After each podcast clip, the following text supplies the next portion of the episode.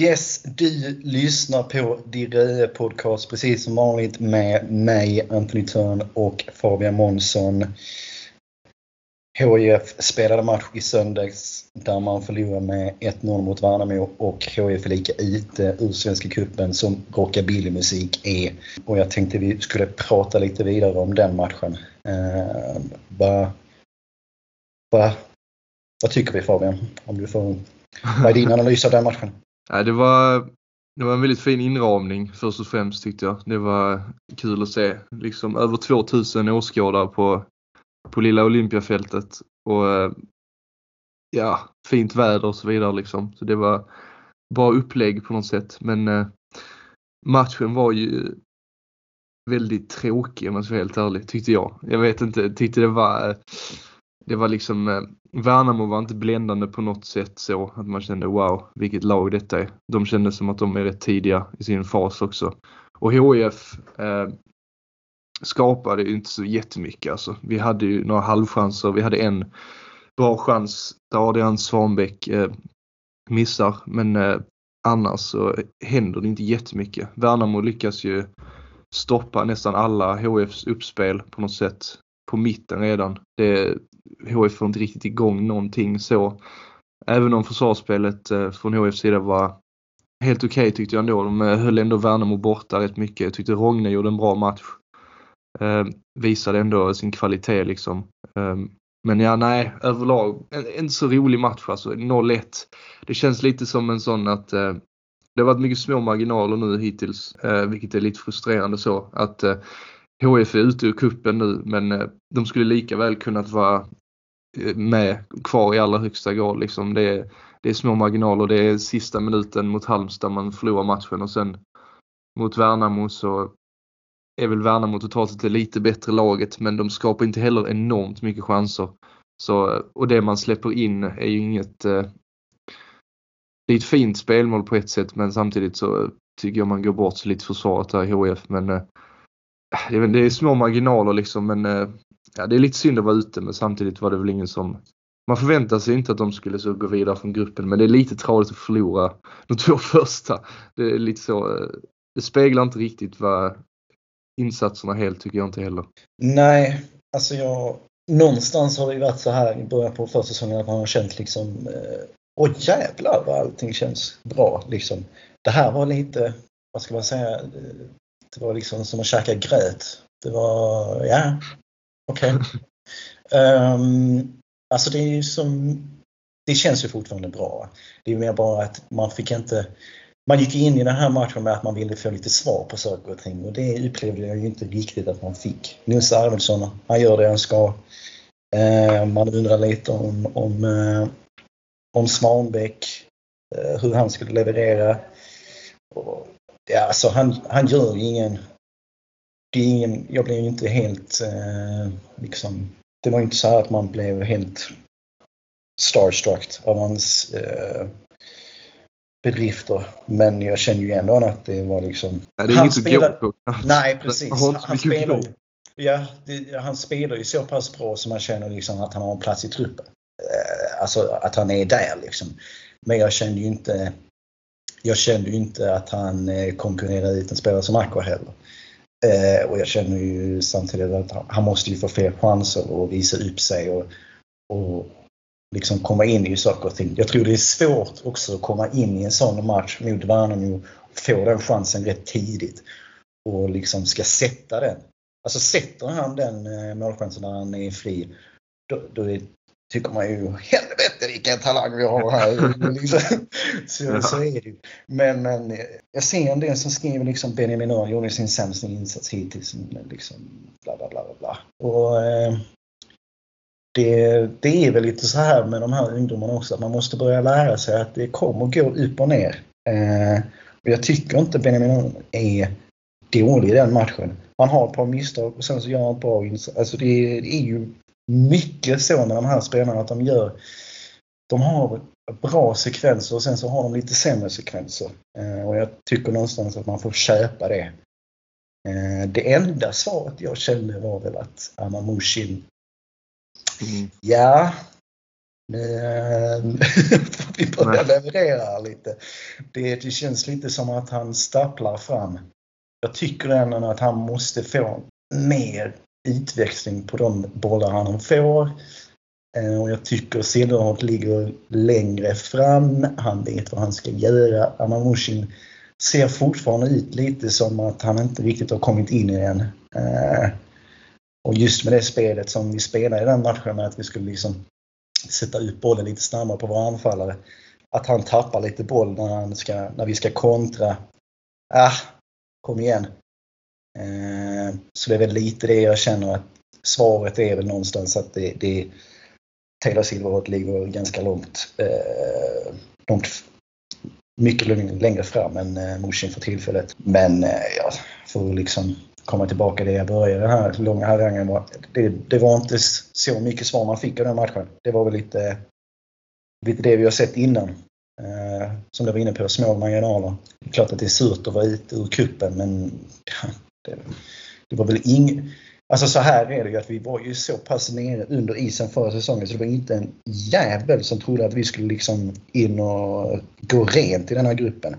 Det är mer bara nu när man har känt att det, att det börjar hända saker med Klever som man tycker att eh, det hade varit kul om man lyckats skrälla mot antingen Värnamo eller Halmstad. Och de är ju nära mot eh, Halmstad och och få med sig någonting. Så det är väl där jag hamnar någonstans. Att man fick inte riktigt svar på de frågorna man ville. Nej, alltså det, nej, jag håller med. Det var ju helt klart, eh, tycker jag, den sämsta matchen hittills det här året. Alltså det, eller, det är svårt att säga men alltså det var, nej som jag sa innan, det var väldigt tråkigt. Alltså det, det var liksom, hände inte så mycket. Alltså det, det var, fick verkligen inte utveckling på någonting av det vi försökte göra riktigt offensivt kände jag. Och du är inne på Musin, han är ju lite han var ju en liten passagerare i den matchen. Alltså han, eh, mm. han, han, han, var ju, han sprang runt och såg lite så förvirrad ut mest liksom. Och ifall inte han fick ett bra läge liksom så, så bidrog han liksom inte direkt. Och det var ju lite det man har befarat med Musin ibland. att Vad, vad händer liksom om HF eh, inte klaffar liksom? Vad händer då? För Silverholt hade ändå tendenser att kunna göra lite löpningar och sånt, liksom skapa ja. lite ytor och så vidare. Men Musin var väldigt anonym så liksom. Där undrar man ju lite hur det ska... Sen så kanske man kommer kanske inte möta lag som försvarar mittplan så bra som Värnamo gjorde så mycket i Superettan. Eh, för de tyckte de var faktiskt väldigt bra på det. De stängde ju ner varenda jävla anfall HIF försökte påbörja så var det liksom bara så pressade dem och tog tillbaka den i princip. Eller, eller var det att HF liksom slutade med att de bara tjongade den i, i princip och att den hamnade liksom någonstans. Det, uppbyggnadsspelet fungerar ju inte i HF alls. Värnamo lyckades ju släcka ner alla eldar. Nej, så det är ju det jag känner lite också att det, det HF har så pass lite framåt av, av kvalitet och, och liksom tyngd att eh, man, man, man kan bli lite orolig för att vi inte ligger att HIF behöver 10 chanser för att göra ett mål. Eh, det är ju så här eh, många lag kommer att försöka eh, knacka ner HIF. Det är att bryta deras mittfält. För det är, det är väldigt tydligt att HIF försöker komma igång snabbt genom mittfältet och slå bollen alltså, till sina anfallare.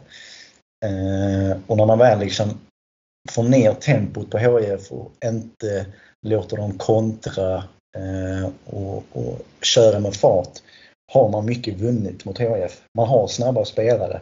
Men tar du bort det elementet mot HIF så är de inte lika farliga. Alltså jag är inte orolig för, alltså Kleber har ju ändå någonstans satt defensiven och pressen funkar ju, det är precis som man säger, pressen funkar ju enormt bra i, i vissa tillfällen. Alltså vi möter ändå ganska, alltså rent kvalitetsmässigt så ska ju både Värnamo och Halmstad vara före oss. Men det är ju hur många gånger i de här två matcherna som vi vinner bollen högt och, och liksom kan, kan ställa om. Eh, det är ju bara problemet är ju att jag upplever att Morsen måste göra mer eh, och få mer ut av sin... Alltså det är en lång, kraftig kille men det känns inte som att han får ut någonting av det. Eh, och han är stapplig på något sätt. Mm. Det är inte det är inte Zlatan direkt som är liksom eh, smidig trots sin storlek. Eller vad ehm, Och det är väl det, är väl det jag tycker någonstans.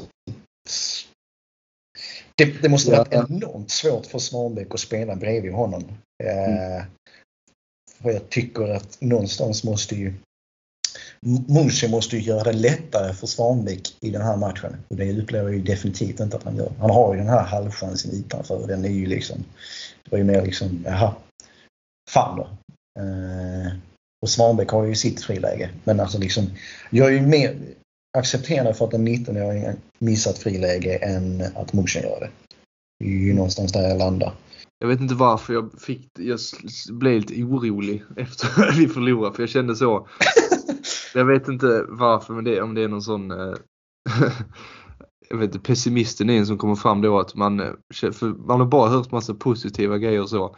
Vi vann de två första matcherna på försäsongen men sen efter det har vi förlorat tre i rad och så är man lite så, fan, vad, eh, är det på väg att smyga sig fram någon, eh, alltså man vill bara inte att man hamnar där att man, att man snackar en jävla massa och sen bara liksom så blir det alltså. så massa hedersamma förluster och så. Jag vet inte. Alltså det... Ja, jag, jag ser det lite också, lite, att alla får lite, lite flås nu av att andra superettan-lag spelar bra. Mm. Jo, men det är ju fullt naturligt för superettan-lag att liksom kunna skrälla sig till vinster. Alltså ta bara den jävla boys-vinsten. Jag satt och kollade sista 20. Alltså Häcken var ju bedrövliga. Herregud!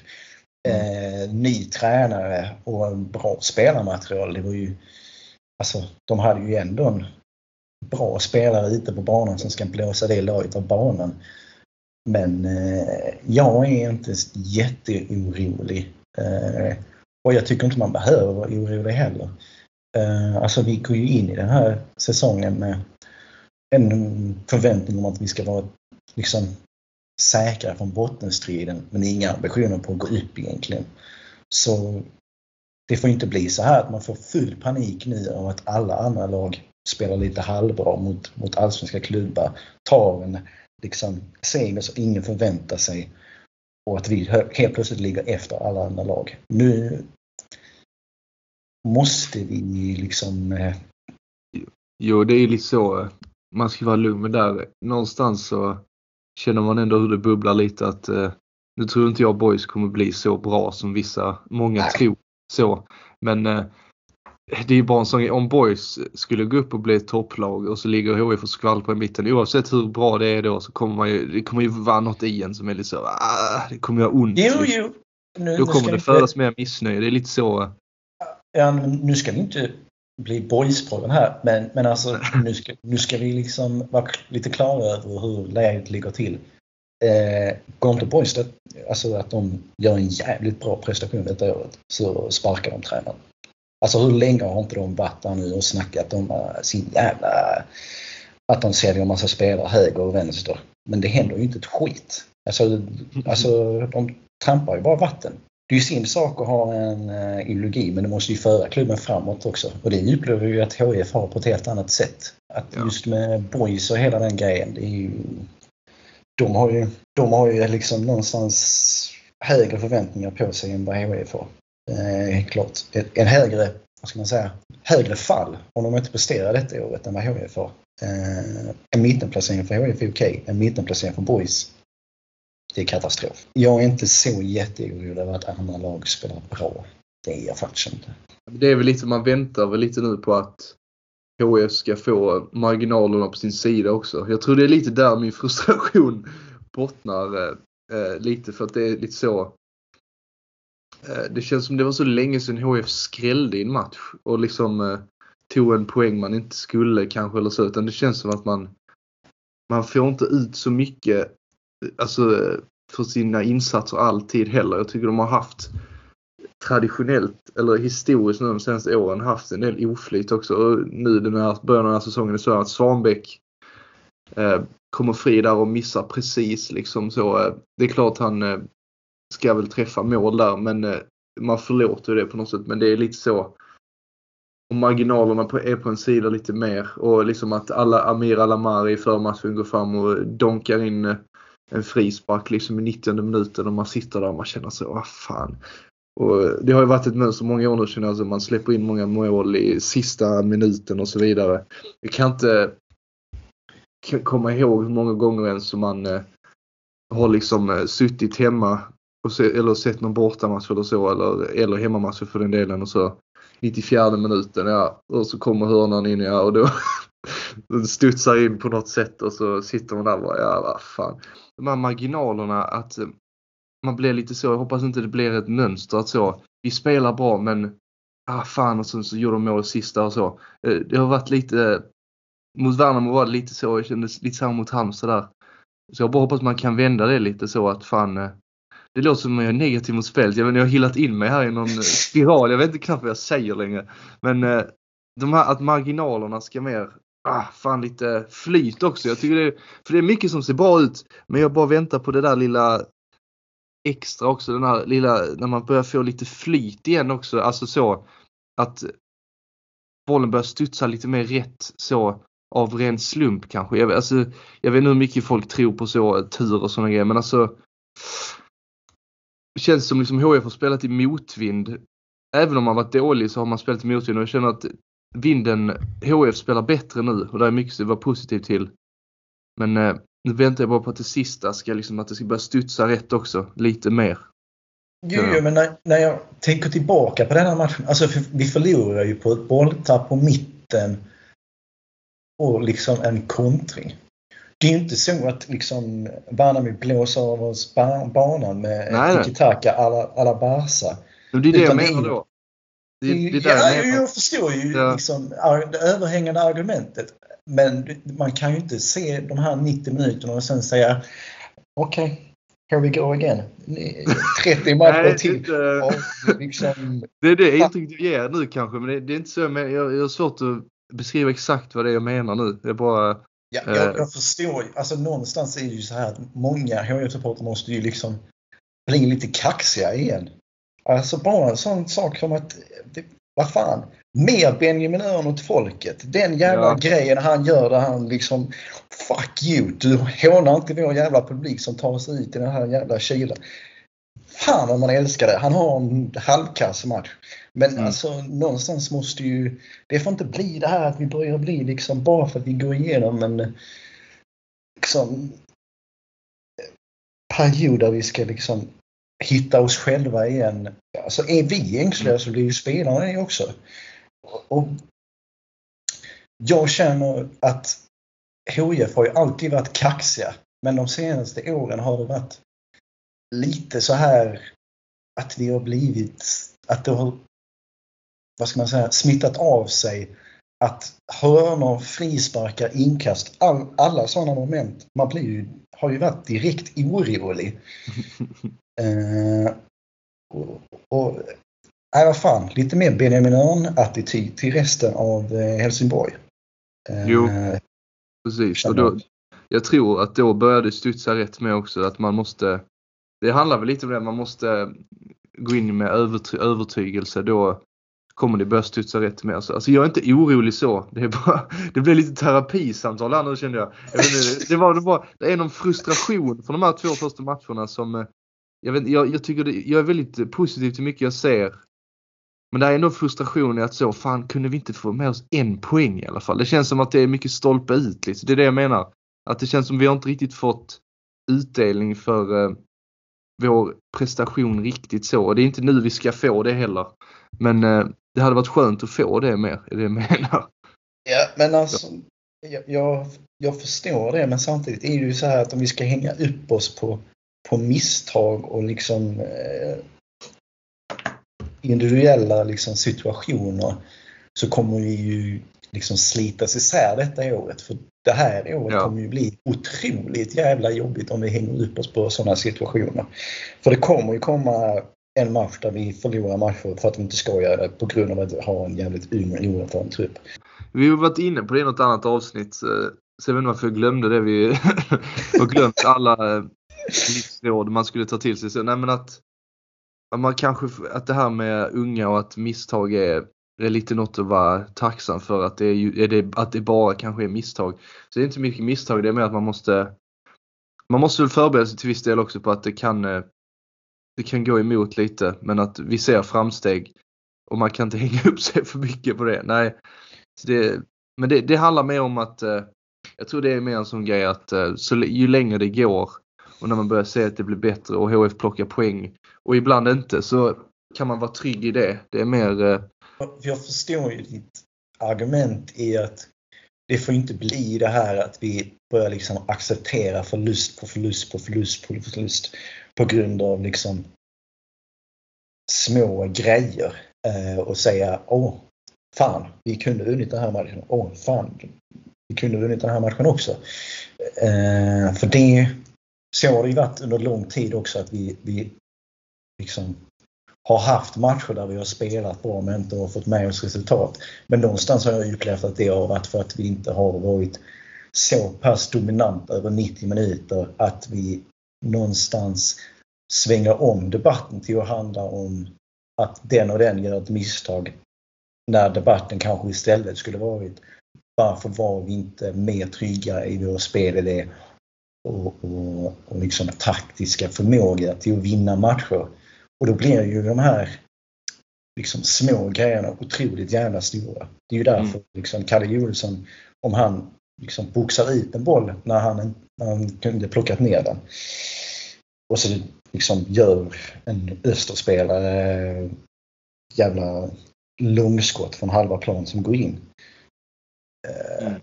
Den grejen måste ju någonstans tvätta bort så att vi är så pass trygga i, i vår spelidé och vad vi ska göra taktiskt. Så att de här små misstagen som de yngre kommer att göra inte blir lika jävla stora. Eh, men det är ju en utveckling som ligger över lång tid och som inte kommer att ske över 30 matcher. Men det kanske sker över 45. Samtidigt är det ju så här att nu, nu tittar jag på högerschemat framöver här. Man har Trelleborg nästa eh, här på lördag. Sen har man Oddevold, sen har man Falkenberg och sen har man Örgryte. Och sen är Superettan. Ja, alltså, någonstans är det ju så här att nu är det Klevers liksom chans att visa upp hur han vill spela i, i Superettan. Nu har han ju mött de här lagen som ingen förväntar sig att han skulle vinna mot egentligen. Eh, som kanske är, får man ändå säga, kommer vara de skickligaste lagen rent spelarmässigt Eh, det här året vi har mött. Nu är de färdiga. Eh, nu, nu ska vi visa upp hur vi ska spela mot andra lag i, i Superettan och det ska bli intressant att göra det eh, och se hur det, hur det kan se ut.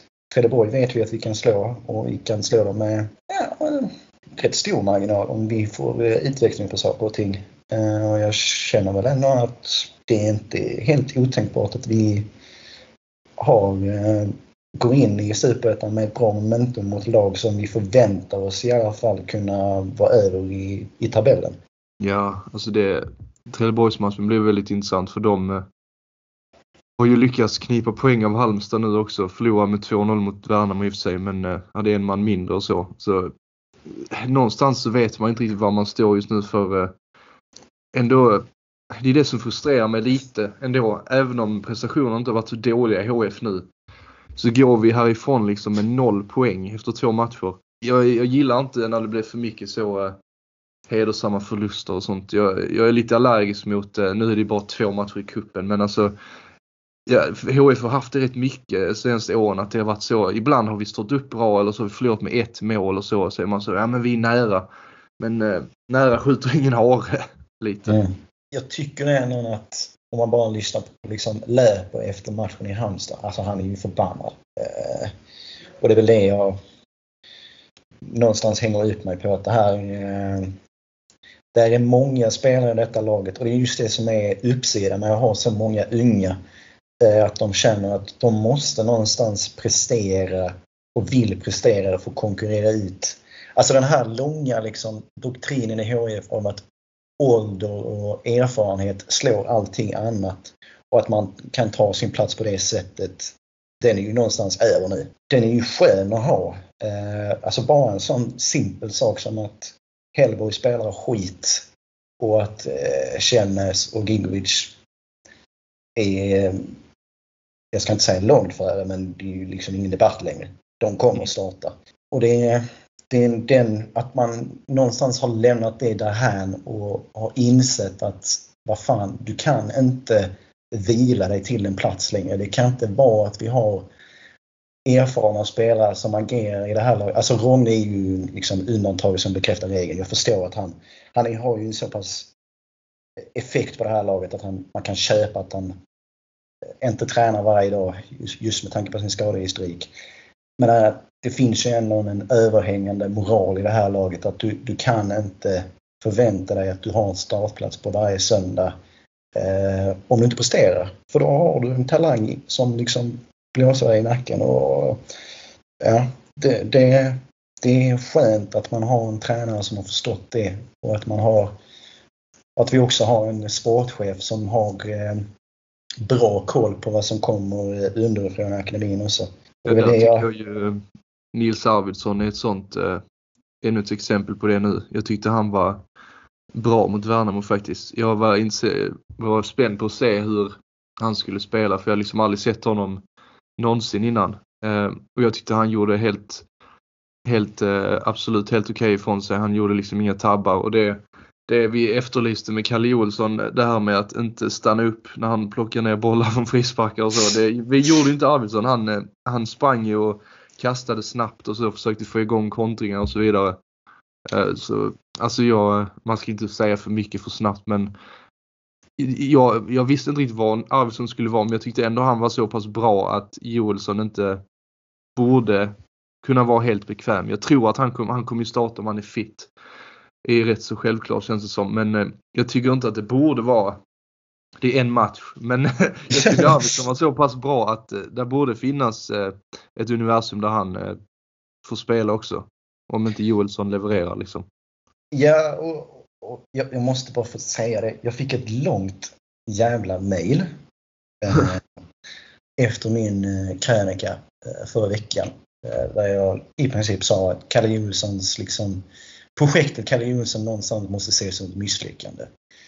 Eh, och då fick jag ett mail från en person uppe i Småland som jag förstod, eh, han säger inte rakt ut, men man läser mellan raderna att eh, han har någon slags relation till, till Nils. Mm. Och han drar upp ett antal liksom, exempel och argument för att HF har agerat väldigt märkligt i just Nils Arvidsson-fallet. Som sagt, det är tydligt att han har någon slags relation till, till, till, eh, till Nils. Ehm, men jag känner ändå, alltså, han lägger ändå fram ett par argument som jag tycker är fullt liksom legitima utifrån där Nils har hamnat. Alltså han får spela U21-matcher där HIF hela tiden byter sin backlinje. Han får inte spela in sig i det här laget någonstans. Ehm, och jag, jag, förstår honom till viss del men just hamnar ändå i liksom argumentet att det är så otroligt svårt i svensk fotboll att som mål, ung målvakt ta dig fram jag upplever ibland att många svenska klubbar är, alltså att man hänger upp sig väldigt mycket på ålder eh, och erfarenhet när det kommer till målvakter. Vi är så obarmhärtiga eh, just utifrån målvaktspositionen. Att det finns ingen... Det är, det är väldigt svårt för, för att ta dig fram som ung målvakt. Alltså bara ta en sån som Oliver Dovin i Hammarby till exempel. Alltså, och jag bara känner cred ändå till, till Hammarby ändå att de vågar släppa fram honom. Alltså bara det här misstaget han har. Kommer du ihåg det här misstaget han har mot Häcken? Eh, mm. Jo, där han tappar, han glömmer precis. bollen ner. Ja. Eh, och, och, alltså, i Hammarby så blir ju inte det misstaget lika det blir inte lika, vad ska man säga, det får inte lika stor konsekvens i en toppklubb som presterar. Men mm. i en, med ett bottenlag som HIF ändå var eh, så har det ju varit just utifrån perspektivet Nils Arvidsson har det ju varit enormt svårt nu när jag tänker tillbaka för honom att ta sig in i det här laget. För vi har ju varit i den här skitsitsen så pass länge. Och det är väl det som är lite surt just för honom. Eh, känner. Men nu har han ju världens chans här, känner jag. Eh, att ta sig in i det här laget. För jag tror faktiskt vi har lite om en målvaktskamp här alltså, Nils Arvidsson har ju par, eh, ja vad ska man säga, just spelat med fötterna kanske han får öva på. Men, men eh, liksom, han gör ju inte bort sig. Det är ju inget, han gör ju inget misstag. eh, egentligen. Och han, just det här vi har varit på Karius som att, att han eh, tvekar så enormt mycket när han ska kasta ut. Det hade han inga problem med. Och han plockar ju ner en hörna också utan problem. Så att... Man hejar ju till när man ser sådana grejer nu. Det är lite där man är nu att eh, man har eh, vant sig vid hur Kalle Joelsson är i mål under många år liksom. Och han har många uppsidor men han har också eh, liksom eh, negativa sidor så. Och då eh, när man ser då Arvidsson komma in i en match och eh, göra två av de grejerna som eh, som han har påpekat att Joelsson brister lite i. Alltså att han gör det liksom mot ett allsvenskt lag utan några problem. Då blir man lite så, hmm, ja, det kanske inte är helt stuttet eller så ristat i sten vem som ska vara målvakt så alltså. Och det, alltså det måste ju finnas lite konkurrens alltså känner jag. För mm. där tror jag att Joelsson kanske har blivit lite, eller jag ska inte säga så för man vet inte men eh, det är lätt att bli bekväm om man är yeah. liksom nummer ett utan konkurrens. Liksom så. Lite som Anders Lindegard var ett tag tyckte jag i HF eh, när han kom från eh, utlandet. Så var det nästan som att Lindegard eh, ska stå oavsett vad. Han var jävligt bra i början men sen så dalade han ju rätt brutalt tyckte jag. Och liksom började göra misstag hela tiden. Jag tror det var mot eh, i Superettan där med Lennartsson mot Norby när vi förlorade hemma med 2-0 och han tror han låg bakom båda målen Lindegard som vi släppte in. Och man kände så, vad fan händer här? Och då stod ju Joelsson lite och knackade på dörren. Han var bara 23 år gammal då liksom.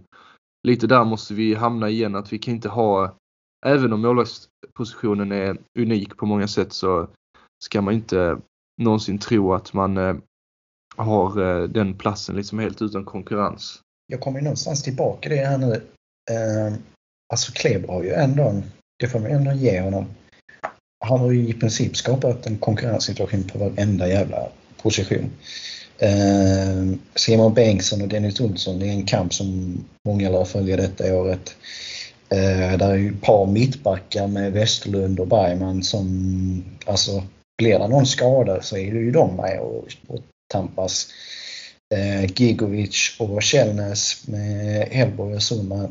Jag tror ju någonstans den är over and done with. Men det är ju ändå kul att det finns något där. Anton Nilsson, ja, han är ju någonstans långt efter känns det som. Men det är ändå som att han man har någonting att ta av. Eh, och Milan Rasmussen är ju liksom, han är, han är ju ung. Och sen har man ju Dennis Olsson som man kan slänga in där också. Eh, och sen är det ju Aqua eh, mot Svanbäck. Alltså det är just det här vi kommer liksom ner till igen att när man har en trygg spelidé som man kan liksom, som är satt och man vet vilka roller som ska spelas så skapar det ju naturligt sett en, en konkurrenssituation på varenda liksom, position och den är ju otroligt skön att uppleva. För det har ju varit flera säsonger nu i rad där vi har känt att ja men de äldre har alltid sin startplats färdig liksom. De behöver inte ge sig in och, och kämpa varenda träning.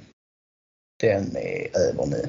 Det, det får man ju ändå någonstans säga. Det, det är många talanger som kommer nu och inser att spelar jag bra och tar min chans så kommer jag få chansen. Jag ska inte säga att det är revolutionerande men det är ju... Eh, det har, jag har saknat det lite i HF. Det har mer varit så här att ja, men vi stänger in honom med 10 minuter kvar. Ja, eh, bara, för att se att, hur han är liksom. Vad ska man göra med 10 minuter när man är 18 år? Alltså, Nej. Det gör ju ingenting. Nej, det tycker jag är, det är ju en jävla skillnad. Du säger att det inte är revolutionerande och det är det liksom inte men eh, det är något vi inte har haft i HF på en, mm. ett antal år nu tycker jag. Jag tyckte det var en av mina största hang-ups med Lennartsson också att eh, rätt länge var det liksom eh, Viktor Lundberg spelade så på kanten och man, bara, man såg liksom hur det funkar inte och liksom Rasmus Jönsson spelade lite oavsett vad. Man tog in Kajalainen och sådana lirare.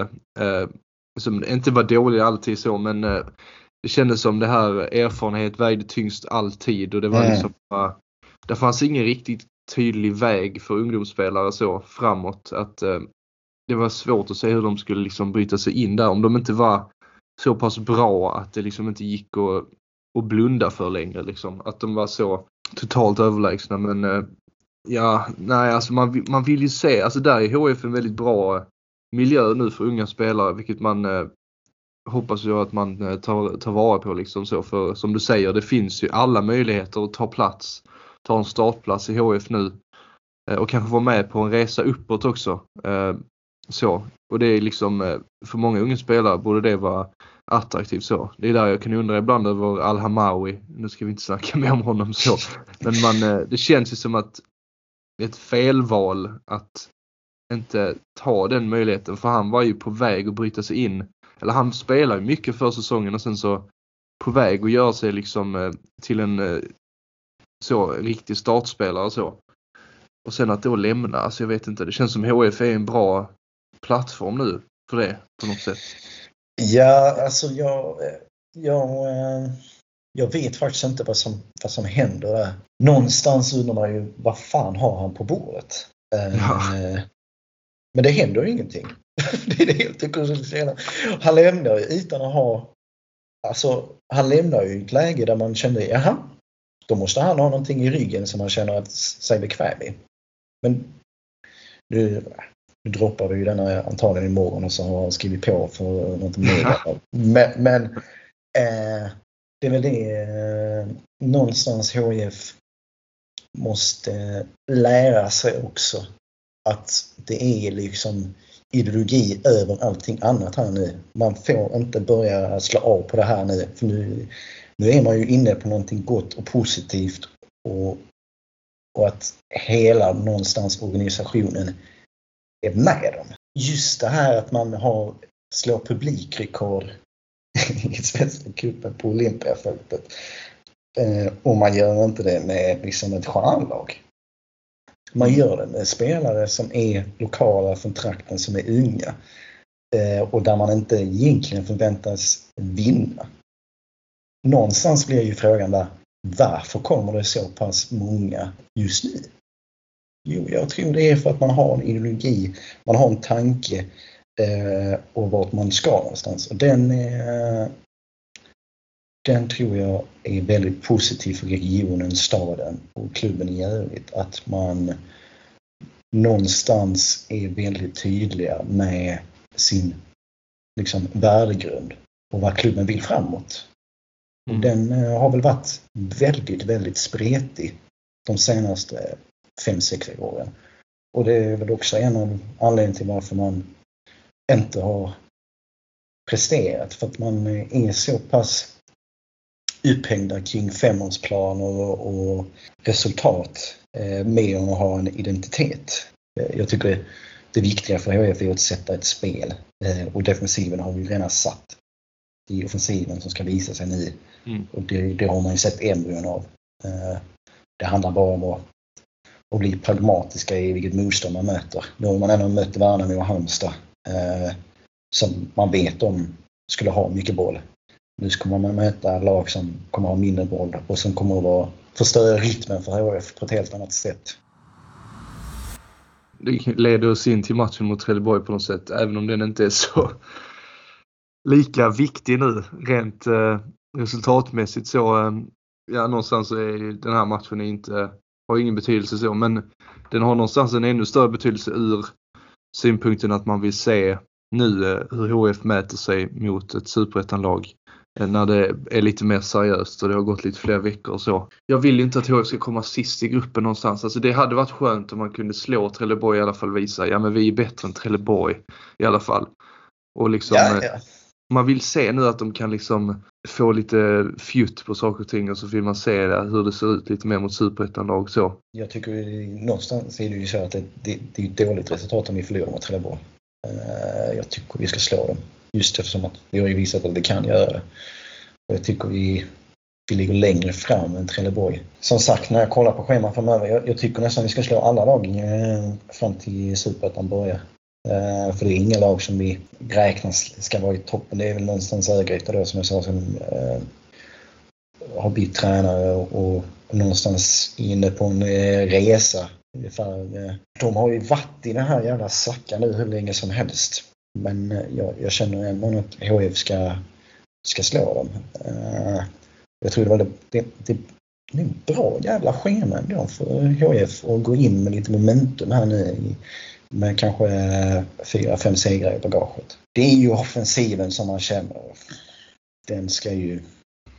Just det här att Mushin inte kom igång i denna matchen han har ju mer att, visa tycker jag. Även med Rasmussen och så nu känner jag efter några matcher och så. Där är bra intentioner och så men jag tycker inte det händer så mycket konkret ännu där på den fronten så. Det är liksom, eh, det ser fint ut och så emellanåt och jag, jag har högre förhoppningar på honom. Men eh, han var aningen anonym mot Värnamo tyckte jag och det händer inte alltid jättemycket känner jag när han har bollen. Det är liksom så, det kan se bra ut och så men eh, man, man märker skillnad tänker jag jämfört med löper där det, det blir mer konkreta lägen och situationer när han har bollen. Eh, jag tycker man märker ändå lite att Rasmussen är ung också. Det är det man glömmer ibland och att han har kommit från tredje ligan i Danmark. Att eh, det, det blir en sån eh, annan eh, bild av en spelare helt när den kommer eh, från utifrån man värvar in och så. Han är ju samma ålder som Gigovic. Och bara ett år äldre än Källnäs och Svanbäck och så vidare. Men någonstans så ökar ju förväntningarna liksom på en sån kille. Och att man, eh, man förväntar sig att han ska komma in och agera liksom senior spelare på något sätt. Men eh, det är lite det vi, där vi är nu med ett ungt lag att eh, ja det finns ju höga höjder kanske men eh, man ser ju ändå liksom att eh, den här tyngden som äldre spelare kan ha ibland, den finns kanske inte alltid på samma sätt. Även om ålder inte är något som nödvändigtvis ger tyngd. För det tycker jag man varit inne på innan att det här med erfarenhet, alltså man, man kan ju vara 40 år gammal och ha varit i division 4 hela sin karriär. Det innebär inte att man eh, har någon erfarenhet som är, är värdefull för HF liksom. Det gäller ju att ha erfarenhet av rätt saker. Eh, men där har ju Rogne ett stort ansvar till exempel och spelare som Kalle och så också. Sen att någonstans visa och sätta tonen. Eh, lite det man vill se också. Eh, där tycker jag att Kalle är bra på det rätt ofta att han, eh, man ser honom eh, han är rätt snackig och så från, eh, från sin målvaktsposition. Även om det är mest när vi släpper in mål. Ja, det, det är lite, vrålar att det är lite alibiskrik ibland bara. Att det, alltså att man, han skriker för att någon annan, när han själv gör misstag så skriker han på, nej jag vet inte. Det, det, det, det Ja det är ja. lite det man, man, man, när chefen kommer in så springer man runt och börjar vifta och så för att det ska se ut som man gör. Men, nej, jag tycker ändå han eh, har vuxit på det sättet för när han först kom in så var han lite mer eh, så timid och eh, så. Och nu känner han att han tar lite större plats och det, det förväntar man sig lite av de äldre nu. Eh, där tycker jag Rogne också har ett ansvar. Yes, lördag klockan 13 spelar som sagt HIF mot Trelleborg. Eh, jag tänkte vi ska vi tippa lite hur Kleber ställer upp den här gången. Eh, Aqua är tillbaka från, från sin eh, avstängning. Hur eh, tror du Kleber tänker i det här fallet? Mm. Ja, det är svårt för det var ändå en del förändringar mot Värnamo och så. Eh, en del var ju påtvingade så men eh, man fick se lite andra ansikten så. Man fick se Rogne, Svanbäck, Musin från start och Arvidsson i mål eh, och Bengtsson in istället för Olsson på vänsterbacken. Men ja, det är ju lite lotteri här nu. Det känns som mittfältet känns ju som att det är det enda som känns ganska satt mer eller mindre. Det är ju helt jävla sjukt. Förlåt. Ja. Men det var ju det... där vi trodde att det skulle vara eh, fullständigt, liksom, alltså att man verkligen måste ha in någon. Ja. Alltså, jag, jag, nej men, jag måste bara förskriva det. Jag, jag känner ändå att jag vill ju fortfarande ha in någon, men jag känner inte att det är fullkomlig panik. Mm. Eh, och vill jag ha in någon så är det ju för att är det mer bara för att jag känner att eh, det kan bli skada på Gigovic eller kännes. Eh, för jag tycker ändå just nu spelar de alltså, bra. Uh, och ja. det finns en kemi mellan dem. Och, uh, alltså, Elfsborg är ju så pass långt utanför startelvan. Uh, det är väl mer bara att jag känner att om där är någon så är det klart att man, man ska kolla på det, men det är inte så här. Alltså vi var ju liksom, i alla fall jag var på det klara tidigt den här försäsongen att, vi, att man tittar på att plocka in, men det, är inte lika säker på längre att man har sån panik över det. Nej, jag, jag tror det känns som att eh, alla är mer eller mindre överraskade av hur, eh, hur bra det har sett ut med Gigovic och Källnäs. Alltså det, det har ju sett eh, väldigt bra ut faktiskt får man säga. Särskilt med tanke på hur unga de är. Alltså så. Det, alltså, jag tror inte någon riktigt förväntar sig att det skulle klicka så pass bra mellan dem. Så som det har gjort så snabbt alltså. Så, nej, det, det känns ju verkligen som en eh, ifall det är ifall något bra dyker upp där så man kommer göra något så. Och det, det är rätt bra på ett sätt. Det, det är lite sunt är det så. Det blir inte den här jakten kanske så. Eh, där Dahlberg liksom kör upp och ner i Sverige och ska in och kolla i diverse liksom, eh, fotbollsklubbar och så. Eller jag vet inte hur det funkar. Jag tror inte han kör runt i sin bil. Men eh, det blir lite mer lugn och så. Man kan tänka vad fan. Eh, är det något bra så. De har ju säkert eh, en hel lista med spelare som är intressanta. Men eh, det blev lite ifall det dyker upp något. Charlie Vindehall blir klar för, eh, var det Örgryte nu? Så eh, tror jag. För, någon veck för några dagar sedan eller så. Det var, han gick till en annan klubb i alla fall. Jag tror det var Örgryte. Men eh, som, de verkar ju satsa. Fan, vad, fan, vad, fan vad skönt ändå. Det kändes som en riktigt trött värvning. Riktigt. Ja. Den bara stank Hellboy. Fy fan. det var en riktig så här relapse på den. Alltså jag förstår ju att man kollar på den och man kände bara, åh herregud, Värnamo. Ja, nej. Bänkspelare. Det, det, var, det var inte supersexigt. Eh, men jag... Det var lite Fredrik alltså, Holst där också. Ja. Han kan spela mittfältare och högerback. Varför kan han spela så? Ja. det finns ju en finess med sådana spelare som kan spela olika positioner ibland. Men ibland tänker man också så att, du, att på superettan-nivå inte kunna nail down a position är kanske lite ja. frågetecken ibland tänker jag. Så. Det, ja. Eller det är klart, det är bra att kunna spela på olika men ibland känner man så. Det är nice också ibland att ha någon som är specifik för en viss roll också. Inte så, ja men han kan spela där liksom. Ja, och det är någonstans är vi ju där igen att vad fan, det är skönt ändå att vi liksom Alltså Holl spelar ju, det kändes som han spelade bara för att han var gammal och liksom var erfaren. Liksom, jag läxa upp de här tonåringarna nu och visa liksom hur man ska göra. Och det är ju så otroligt skönt att det inte liksom är kvar att liksom ålder liksom slår allt. Mm. Uh, jag tror det är skönt för Dahlberg också att känna att han inte har den här jävla paniken att han måste absolut få in en ny mittfältare. Jag, jag, jag, tror säkert att han kollar på det men det, stressen är ju betydligt mindre än vad det var för en månad sedan. Det känns ju mm. även som kantspelarna där är mer eller mindre satta också. Vilket är skönt också. Att det känns som hela, det kan ju förändras lite men det känns ändå som att eh, vi har en fyra där liksom. Ja, och jag tror ju det känns nästan som att uh, Kleber har bestämt sig för Aqua. Att han ligger så pass långt före. Och mm. Aqua är ju en sån spelare, vi har ju varit inne på det förut, det känns som att det det är som att spela roulette varje gång han kommer in. Alltså. Men när han väl får det att funka så då händer det ju mycket på en och samma gång.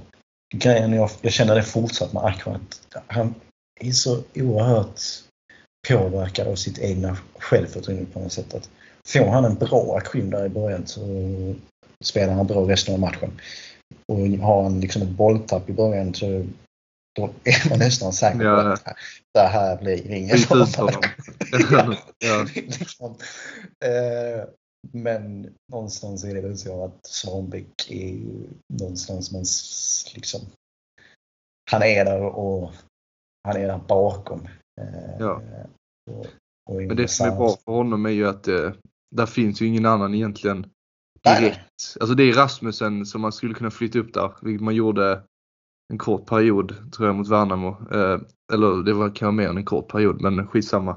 Så det finns ju ändå utrymme för Svanbäck där att eh, få en del inhopp och eh, kanske starta lite också. Så det är ändå en bra position för honom tänker jag. Att, eh, och det, det, visar ju lite det att han fick starta mot Värnamo också. Att Kleber ser honom som den eh, som ska utmana främst Aqua där på den positionen känns det som ändå. Ja, och alltså någonstans var det ju, alltså som du sa, han bekräftar ju nästan bilden av att det är, det är unga som är vägen framåt. Han kunde ju ha spelat Silverholt liksom och, och nu känner liksom pressat fram eh, liksom 4-4-2 bara för att göra det liksom. Mm. Uh, Så det, det, är väl någonstans skönt att han liksom dubblar ner på att spela unga som ska få utveckling och få speltid och, och sen kanske inte... Vi var väl lite inne på det. Man hade ju önskat att han satt det där friläget men jag kan ju acceptera att han inte gör det. Eh, sen känner jag väl lite att eh, Dennis Olsson ligger... Eh, han är nog eh, mycket längre fram än Simon Bengtsson. Det har han visat hittills i alla fall. Eh, jag tycker att Dennis Olsson, när han väl spelar så är han så pass trygg i, i sig själv och det han ska göra. Trots att han spelar in den här inverterade ytterbacken. Alltså han får ju inte lika mycket... Alltså, hans liksom... Eh, det man har sett av Dennis, det är inte en sån spelare som man tänker inverterad ytterback direkt liksom. Mm. Eh, men jag tycker ändå när han väl spelar så är det ju att man får mer ut av den. Han får mer impact på resten av matchen mer än, någon, mer än eh, Simon Bengtsson. Eh, det är det man har sett i alla fall. Det kändes ju innan som att Simon Bengtsson var före innan säsongen så drog igång överhuvudtaget men nej jag håller med. Alltså, jag tyckte Olsson var bra mot eh, Halmstad.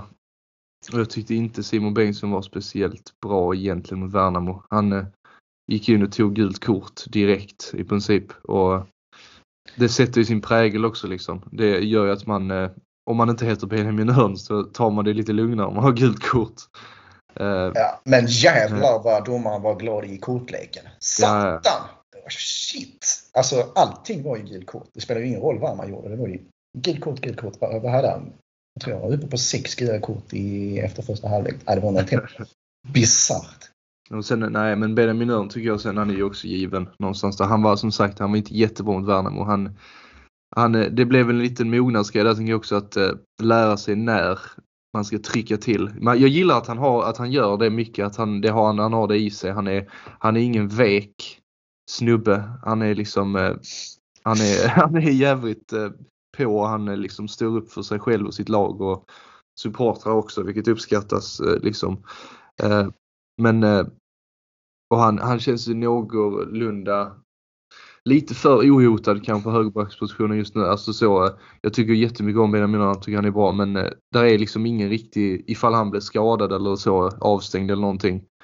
Är det Birkfeldt då som kliver in kanske? Jag vet inte. Det känns inte som ja, vi har Alltså, jag eh, vet om att William Läper kan spela eh, ytterback. Sen vet jag inte om om man vill göra det. Jag, jag, tror att man får ut lite mer av honom om man låter honom löpa fritt på kanten. Jävlar vilken benknäckarlinje det är med Benjamin och Läper dock.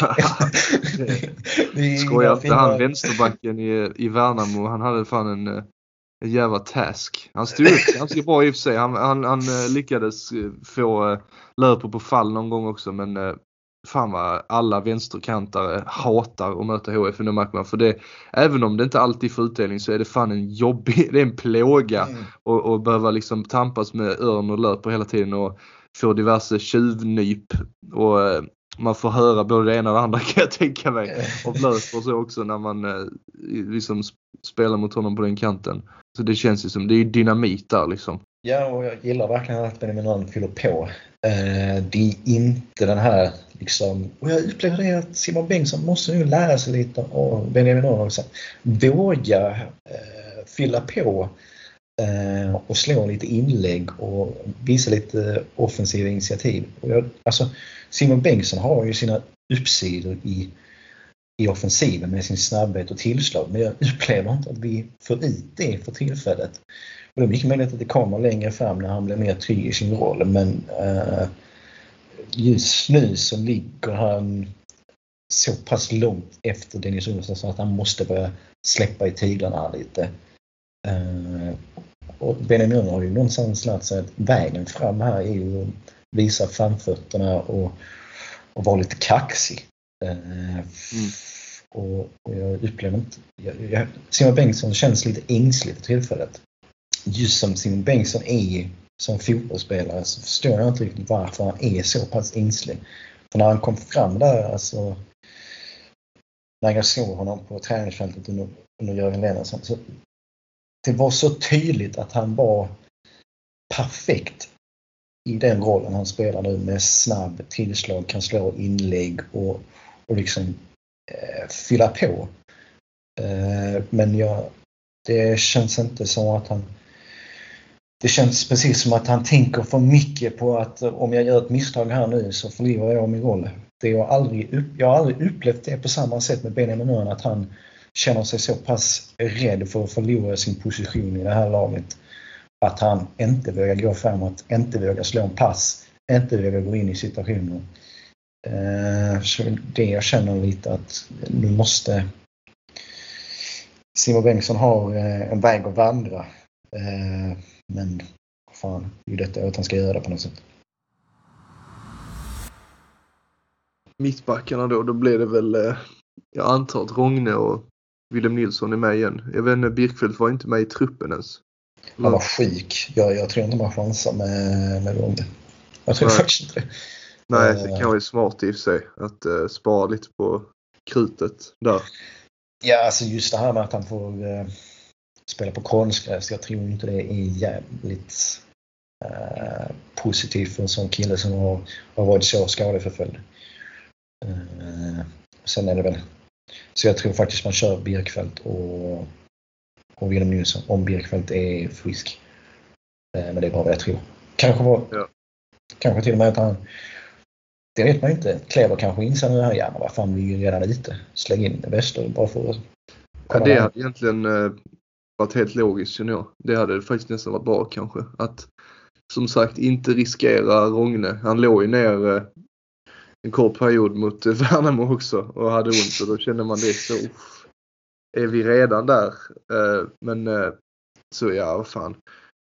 Och det är liksom eh, lite för att se vad Västerlund går för i en tävlingsmatch också så. I, i en mer eh, satt elva så. Det blir väldigt lätt så på försäsongen annars som emot eh, vad var det, Trelleborg och Varberg där man roterade väldigt mycket så är det så eh, man slänger in eh, liksom spelare helt olika älvor och så. Eh, det blir mer intressant att se en Västerlund till exempel då spela i den ordinarie elvan liksom. Med att, att man byter ut en person snarare än tio. Och sen är det ju eh, Nils Arvidsson. Eh, ja. Där är ju ingen annan. Så, men, men man undrar lite hur, hur allvarligt det är med Kalles finger för eh, det verkar inte allvarligt nog att man kolla efter ny målvakt. Men eh, samtidigt så har man inte hört så mycket mer precis än så. Det... Eh, nej, men eh, som sagt, vi var inne på det innan. Alltså det här är ju det här är ju världens jävla megachans för Nils Arvidsson. Eh, att ta upp kampen på allvar. Alltså nu... Eh, alltså, gör han bort sig nu så är han ju färdig. Det får man ju nästan säga. Eh, för då har ju varit, Då har ju liksom varit här och väntat så pass länge. Eh, och just det här argumentet med att han bara får spela U21-matcher. Nu får han ju spela med A-truppen med en någonstans satt backlinje som han tränar med kontinuerligt. Eh, och gör han inte gör han bort sig nu så ja, då, då är det nog då får man ju, alltså nej men alltså. Ja det är, det är en jävla press du sätter nu här. Men jag förstår nej, det. Det, det, är ju, det är ju lite så. Det, man måste ju, alltså jag tror väl inte det är helt kört. Men ifall han vill eh, kunna peta Joelsson inom snar framtid så är det ju, då måste han ju leverera liksom. Så enkelt är det ju. Ja och det är väl lite så här, alltså det här eh, Venezia debaclet på något sätt. Att det är då fick man någonstans en bild av att Nils Arvidsson var en talang på något sätt. Eh, mm. Klart att man visste redan då i och med att han hade ungdomslandskamp och man visste ju att det var, att han, att det var någonting där. Eh, men om, om han inte presterar nu där han är, där han någonstans får chansen kontinuerligt tack vare den här skadan. När, när ska han då ta chansen? Mm. Det är någonstans nu han ska göra det. För jag tror inte jag tror inte man gör det mitt på säsongen. Eh, Nej. Ja. Nej, det måste ju byggas en grund för att det ska så. Eh, så och man har ju sett detta innan. Spelare blir skadad. Eh, ersättaren kommer in. Gör så pass bra att det går liksom inte att sätta honom på bänken igen sen. Så det är lite det han måste sikta på nu. Att eh, vi vet ju inte hur lång tid han har på sig att imponera så. Men Kleber har ju visat att positionerna är up for grabs lite. Så alltså yeah. det, inte, yeah. finns inget satt i sten någonstans. Så. Nej, Nej och, alltså vi, jag gillar inte den här tanken om att vi varvar målvakter. Eh, jag vill ju ha en första målvakt. Och det jag har känt med Nils Arvidsson är att han eh, behöver lite självförtroende. Och jag tror det här var en bra match att få självförtroende i. För det, ju, det var ju ingen som sa efter den här matchen att, eh, att han gjorde bort sig. Det var många, eller några som anmärkte på hans spel med fötterna men vad fan, det kan ju någonstans acceptera. Eh, för han gör ju inte bort sig i den här matchen på, på något sätt. Eh, det var väl någonstans skönt att man fick det bekräftat att så jävla långt ifrån Kalle Djursen var han ju inte. För det, var ju folk som fick fullständig panik efter eh, den här ny, nyheten om att eh, Kalle Djursen var skadad, att vi måste ha in någon ny. Mm. Eh, den, den debatten eh, släckte han väl lite, eh, kände jag. Eh, det kan ju vara att han släpper in fem bollar nu här på lördag och då, då blåser den upp igen. Men ja. Eh, det, just nu är den ju inte så het den debatten. Om du får tippa matchen på, på lördag då? Ja, det är fel igen mot Värnamo.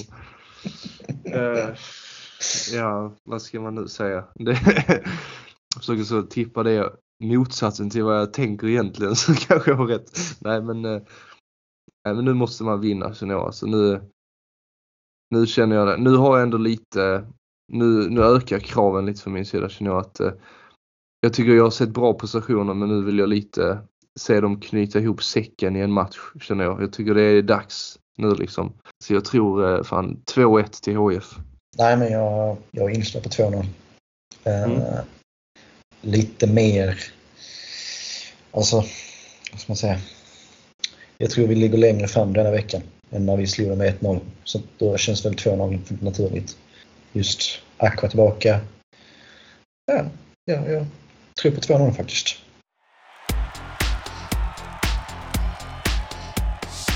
Och därmed var veckans avsnitt av De Podcast till sin ända.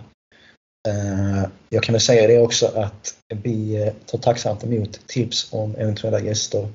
Det jobbas eh, bakom kulisserna som vi säger och att få till sådana avsnitt också.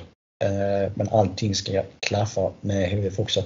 Så eh, tveka inte på att tipsa oss mot med eventuella gäster som ni kanske vill höra eh, och ni vill ställa lite frågor så ska vi försöka läsa det också. Men med det sagt så hoppas vi på tre poäng på lördag och en fortsatt god vecka på er. Så hörs vi nästa vecka också.